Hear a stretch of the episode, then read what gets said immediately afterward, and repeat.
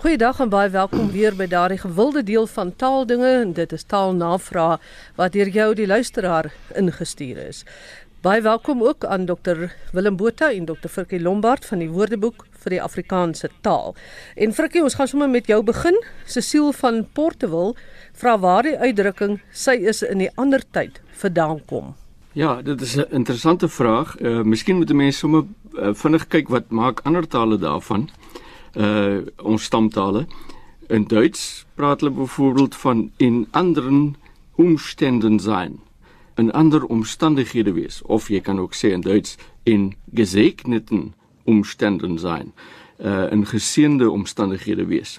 En snaaks genoeg in Afrikaans het ons ook hierdie half eufemistiese gebruik. Ons sê sy is in geseënde omstandighede of sy verkeer in geseënde omstandighede of sy is in blye verwagting of sy is op die geseënde weg en dit is alles eufemismes as dit ware vir swanger wees. Engels het ook so eufemistiese gebruik waar hulle sê she is in an interesting condition. Tipies die Engelse soort van understatement, maar jy kry ook geselstaalforme wat wat bietjie meer reguit is as dit ware to have a bun in the oven, uh, she is in the pudding club or in the family way or be up the duff wat bietjie grower is. Nou kom ons kom terug by nou die ander tyd. Ons weet nie presies waar dit uh, ontstaan het nie, maar dit lyk na 'n plaaslike ding. Wie dit geskep het, dit weet ons nie. Dit is moeilik om vas te stel. Maar moontlik verwys dit maar na die feit dat 'n dame wat swanger is, nou in 'n tydperk van 9 maande inbeweeg het waar sy ook nie meer bevrug kan word nie. En dit is waarskynlik hoe die ander tyd dan in mekaar steek. Willem Christoffel Joen het 'n paar interessante opmerkings oor die herkoms van Simonsberg. Nou ons het hieroor al gesels in 'n vorige program en Simonsberg verwys nou na die berg daar by Stellenbosch en een van die universiteitskoshuise is ook na Simonsberg vernoem. Ja, by 'n vorige opname het ek my verlaat op die boek South African Place Names van Peter Ryper waarin hy gesê het dat Simonsberg is vernoem na Simon van der Stel maar Christoffel Joen wys my daarop dat dit inderdaad nie so is nie, dis 'n fout. In Pieter Ryper se boek ook Johan Nel van die Parel het gebel om te sê dit is verkeerd. Dit was aanvanklik Simonsberg, vernoem na Dominee Peer Simond, die Hugenote predikant. So ook is die dorpie Simondium daar naby vernoem na Peer Simond. Interessante feit wat Christo noem is dat Pierre Simon se vrou 'n plaasie bo op Helshoogte besit het. Nou die predikant mag in daardie tyd nie 'n tweede roep bekleed nie, dus was sy vrou Kastig die boer. Maar mettertyd het daardie D verdwyn en er net Simonsberg geword en dit het dan nou tot die verwarring gelei dat mense dink uh, dit is na Simon van der Stel vernoem. Maar daar is natuurlik nog Simonstad die dorp uh, in die uh, Kaapse Skiereiland waar ook die Suid-Afrikaanse vlootbasis is, dit is definitief na Simon van der Stel vernoem. Ja, en professor Christoffel Joen, sover ek weet, is iemand wat baie deeglik navorsing doen oor die Franse Hugenote. En ja, dit is seker in uh, daardie navorsing waar hmm. uh, hy nou sy inligting gekry het ook. Ja, dis een van sy baie belangstellingsgebiede. Ja, want hy is ook 'n afstammeling as ek reg het van die Franse Hugenote. Dis reg. Hmm. Frikkie Kobus Albertse voel dat daar dikwels verwarring bestaan oor die woorde inteendeel trouens en tewens. Ja, in tewens se geval is daar nie net verwarring nie, die mense ken omtrent nie meer die woord nie en hy word baie selde gebruik en baie keer as hy gebruik word is dit verkeerd. Nou, kom ons begin maar by inteendeel. Inteendeel is 'n woord wat jy gebruik as as jy dit wat direk daarvoor gesê is, as jy dit wil ontken of die teenoorgestelde daarvan wil bevestig. Kom ek gee 'n voorbeeld. Het hy verskoning gevra? Dan kan jy sê intedeel, hy het gelag en weggeloop. En ons kan nou sien trouens kan nie hier werk nie. Jy kan nie sê het hy verskoning gevra, trouens hy het gelag en weggeloop. Dit vervang net gewoon nie daar nie. Of skeer jy die gek met my? Nee, intedeel. Trouens kan glad nie daar werk nie. Skeer jy die gek met my? Nee, trouens uh, ons kan sien daar vervang hy nie maar ek gaan net 'n voorbeeld wys waar die wat miskien dui daarop waar die verwarring ontstaan dat mense hierdie woorde as dit ware sinoniem gebruik. Trouwens is eintlik 'n bevestigende woord wat bekragtig of versterk. So iets soos ek gee nie om om alleen te bly nie. Trouwens, ek geniet dit soms en daar kan 'n mens amper intedeel ook gebruik. Maar as jy 'n sin het soos dit was nog altyd die geval en dit is trouwens vandag nog steeds die geval, dan kan dit nie daarmee intedeel vervang word nie. Ook as jy 'n sin kry ons is tevrede met leghout wat trouwens heeltemal dienlik blyk te wees. Daar kan jy nie eintlik sê ek is ons is tevrede met leghout wat intedeel heeltemal dienlik blyk te wees nie. Maar as jy 'n sin kry soos hy het nie veel geld nie, inteendeel hy kan eerder arm genoem word, dan sal 'n mens ook kan sê hy het nie veel geld nie. Trouwens, hy kan eerder arm genoem word. Daai daai trouwens kan amper vervang word met om die waarheid te sê in sinne. Nou om terug te keer na tewens uh, wat dis daar baie onbekende woord is vir die meeste mense. Dit beteken eintlik te gelykertyd ook of bovendien. Ek gee 'n paar sinne.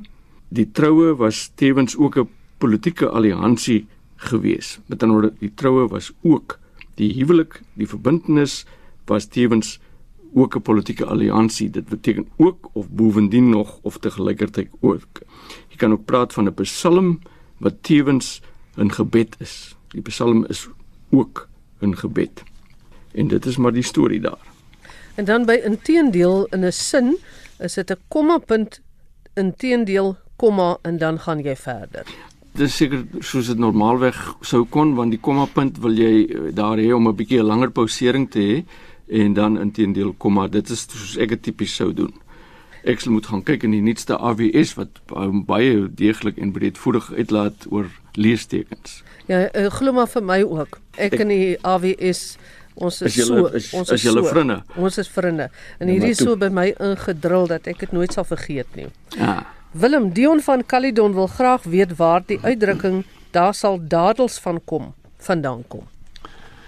Ja, 'n uh, interessante bron in hierdie geval is altyd Anton Prinsloo se spreekwoorde en waar hulle vandaan kom. En hy vertel die mooi storie dat Herman Willem Daandels gebore in Hattem, Nederland, gouverneur-generaal van die Nederlandse Oos-Indië was en volgens die meeste bronne het hy nie veel vermag nie. Daar bestaan byvoorbeeld twyfel of hy die bestuur verbeter en die korrupsie tydens sy bewind verminder het. So korrupsie was maar altyd 'n probleem. Nou daar is 'n paar voorbeelde waar sy naam sonder die n gesmel word, net as dadels en nie daandels nie. En dit dien dan as versterking van die vermoede dat daar na hom verwys word in die uitdrukking daar sal dadels van kom bedoelende daar gaan niks van kom nie soos gewoonlik het uh, Herman Willem Daandels nie sy werk gedoen nie Goed Frikkie waar kom ons woord bietjie vandaan wil Elsa Grobler weet Bietjie uh, in die betekenis van 'n klein hoeveelheid uh, die eerste optekening daarvan in Afrikaans dit kom natuurlik in Nederlands voor beetje Die eerste optekening in Afrikaans was by Pannevis geweest. Dit was ook in die vorm beetje of bietje. En dit is heel interessant. Dit is 'n afleiding van beet, naamlik die handeling om te byt of dit wat jy gebyt het, dit wat jy gehap het. Beetje beteken dus oorspronklik eintlik maar net 'n klein happie. Wat interessant is dat is dat die klein happie het is later uitgebrei om uh, van toepassing te word op enige iets wat 'n klein hoeveelheid is. In Afrikaans byvoorbeeld het ons dit ook toegepas op 'n rukkie of 'n kort tydjie. Uh, ons moet oor 'n bietjie daar wees, oor 'n kort rukkie. Of ons het nog 'n bietjie tyd. Wag 'n bietjie. Of wag 'n bietjie. Wag net 'n kort rukkie. Of bietjie uh, dag. so wat wat nou uiteindelik nog net 'n stukkie proesel was, 'n klein happie het dan enige klein ding geword, 'n klein hoeveelheid tyd of 'n klein hoeveelheid van 'n bepaalde stof of wat ook al die geval mag wees. Nou kry mens klein bietjie. Nou mm. bietjie mm. is nou klaar 'n uh, mm. 'n klein bietjie mm. en dan het ons die geneigtheid om te praat van net so 'n klein bietjie. Dan wat moet mens daai is intensifieer. Ons, de, ons intensifieer daar want bietjie is reeds klein. Nou wil jy dit nog kleiner maak as dit ware ja. om te beklemtoon hoe klein dit is of hoe min dit is of wat ook al. Dis maar soos Engels 'n bit en dan 'n little bit. Dit sal maar net 'n klein bietjie van jou aandag verf vir 'n klein bietjie van jou tyd in beslag neem. Jy weet jy wil eintlik vir die ou sê man dit is dis niks. Dit is nie so groot of so nie nou uh, kleiner as klein. Firma, kleiner is klein as dit ware. Goed Karel van Bloemfontein wil weet waarom almal deesdae die woord niche gebruik soos in die uitdrukking hy het sy niche gevind. En uh, Willem, jy moet vir ons 'n antwoord. Ja, hy sê ook kon sê hy het sy doel in die lewe gevind of sy plek in die lewe of sy nering ehm um, of dit wat hy wat hom gelukkig maak, maar die woord niche het eintlik in die 19de eeu algemene gebruik gekom as deel van 'n uitdrukking naamlik 'n niche in the temple of fame. Nou die sogenaamde tempel was die Pantheon in Parys, Frankryk, en dit is gebou oor 'n tydperk van 26 jaar, van 1754 tot 1780. En vanaf 1790 is dit ingerig as die finale rusplek van die stoffelike oorskot van nasionale helde van Frankryk. En heel eerste van die wat deelgeneem het aan die Franse Revolusie van 1789 tot 1793. Die niche was dan 'n nis waarin kenmerkend 'n borsbeeldjie van 'n beroemde Franse persoon geplaas is.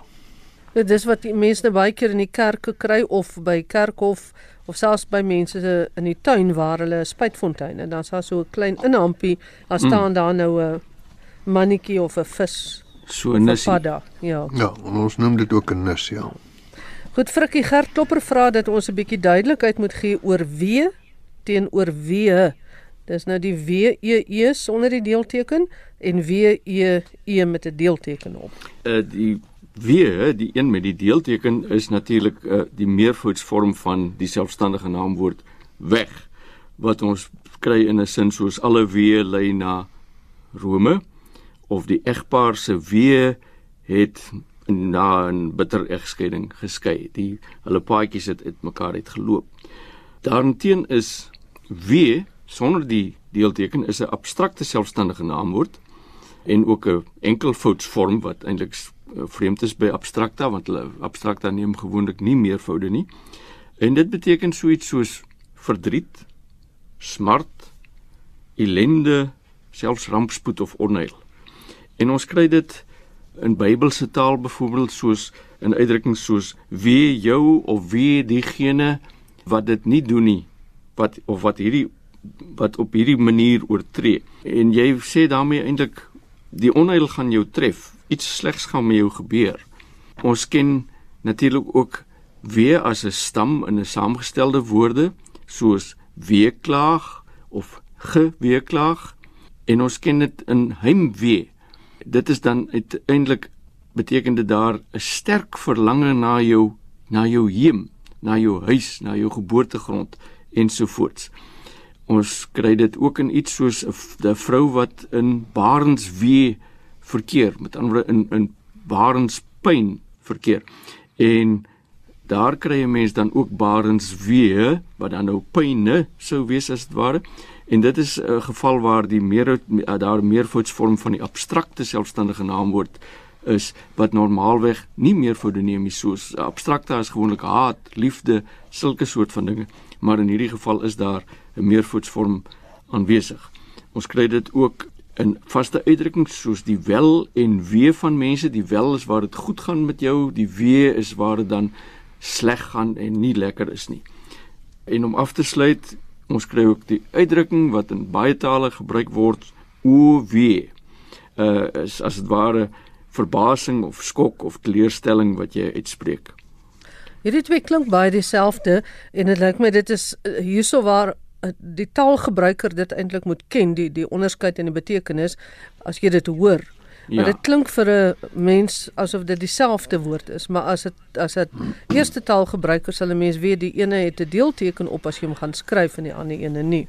Ja, maar weet jy uh, ek ek let op dat iets soos heimwee, heimwee wat net heimwee is nie heimwee nie, word heel dikwels met deelteken geskryf. So daar is 'n taamlike verwarring selfs by mense wat weet goed Afrikaans groot geword het. En 'n mens moet maar kennis neem van die verskil hier in die verband. Ja, betekenis verskil wat aangedui ja. word. Willem tuis RW van die Parel voel die woord dood in berigte van gebeure waar mense gesterf het is 'n bietjie ongevoelig. Byvoorbeeld twee mense is dood in 'n ontploffing in Jerusalem. En uh, ek weet dit is iets wat ek en Anita Visser by Monitor altyd aan die een kant staan van die res van die taalmense oor die gebruik van sterf heen gegaan en dood. Aan watter kant van die draad staan jy? Ek sê 'n mens kan maar dood sê. O. Dit is uh, as iemand dood is, dan is iemand dood. Dink nie dit het meer die negatiewe harde betekenis van die verlede nie. Maar tuis se betoog uh, bewys eintlik die teendeel. Nou daar is tog mense wat voel dat dood is stomp en ongevoelig en ek aanvaar hy sou iets verkiep verkies soos twee mense is oorlede of twee mense het gesterf of twee mense het die lewe gelaat of twee mense het omgekom in die ongeluk. As mens omkom, gebruik jy net onthou dat as 'n verskil tussen omkom en ontkom. Ontkom beteken die mense het oorleef. So as twee mense ontkom het aan die ongelukstoneel, dan het hulle oorleef. Maar ek weet nie, tuis uh, se versoek het miskien 'n bietjie Marita om te sê twee mense het gesterf. Dit jy wen nie eintlik deur te sê twee mense is dood nie. Dis nie veel korter nie. So dis dalk nie so onbillike versoek nie. Toe ek destyds begin werk het by Nuus Monitor, het ek nou 'n baie plat uitspraak gehad, platter as vandag. En uh, toe moes ek die weeklikse nuus opsomming doen. En in daardie week is uh, Dr Gerard de Kok, hy was destyds president mm. van die Reservebank oorlede. Ja, ja. Nou, nou neem ek op dan sê ek en Dr Gerard de Kok, president van die Reservebank, is hierdie week dood. Dan sê die redakteur ek moet gaan ooropneem dis dood. Nie dood nie. ja. En ek het so vir 3 keer wat hulle my teruggestuur het. Toe besluit ek bogger dit en toe gaan neem ek op. Ek sê die Reservebank se president het afgesterf. Ja, so het ek maar okay. uit die ding uitgekry. Frikkie Pieter Bosman wil weet hoekom daar van stadslegende gepraat word wanneer die woord Wollaar storie reeds bestaan. Ja Pieter, dit is 'n dit is 'n interessante vraag. Dit is miskien nie so maklik om te antwoord nie, maar kom ons probeer. Ek dink baie stadslegendes is seker altyd wollaar stories, maar wollaar stories is nie altyd stadslegendes nie. Hulle vervang mekaar nie in alle kontekste dink ek nie. As jy byvoorbeeld so iets sou sê soos ek glo nie jou wollaar stories nie, sal dit baie vreemd wees as jy sê ek glo nie jou stadslegendes nie. Dit werk net nie lekker uit nie, maar kom ons kyk maar of ons 'n verskil kan aandui. 'n Wollaar storie, die naam sê reeds vir jou, dit is 'n vreemderige ding want dit is wol plus haar plus storie en skynbaar kom dit daarvan dat ehm uh, dat dit 'n klomp dinge is wat sommer gemeng is soos wol wat jy met hare meng. Die wol is van die skaap en die in die hare van die bok is nou sommer te mekaar gegooi. So dis 'n die mekaar geklitste storie as dit ware. En wat jy wil eintlik sê met daardie storie is dit is onwaar. Dit is hoogs onwaarskynlik of ongeloofbaar. Dit kan eintlik nie. Nou stadslegende kom natuurlik van dis 'n vertaling wat is gemaak het van urban legend.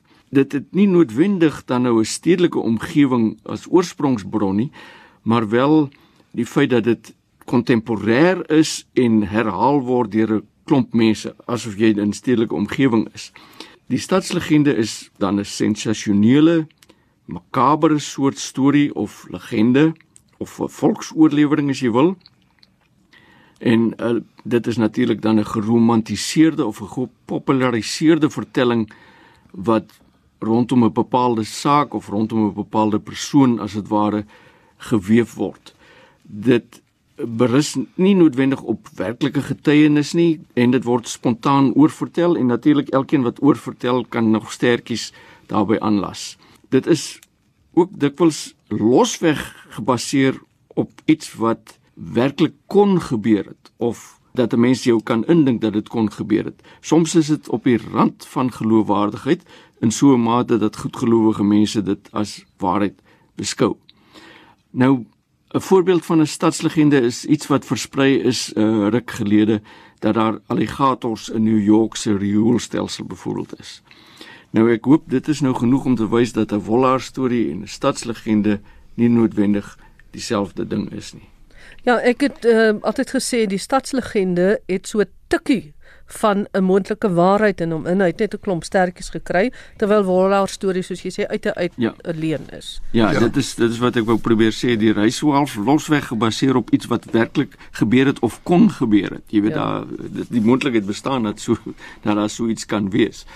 Maar iets wat nie 'n stadslegende of 'n wollaar storie is nie, is dat ons aan die einde van vandag se taalnavraag gekom het hier op Taaldinge. Baie dankie Dr Willem Botha en Dr Frikkie Lombard van die Woordeboek vir die Afrikaanse taal. Altyd lekker om met julle te gesels oor al hierdie verskillende woorde. Groetnis van my Magdalene Creer tot 'n volgende keer.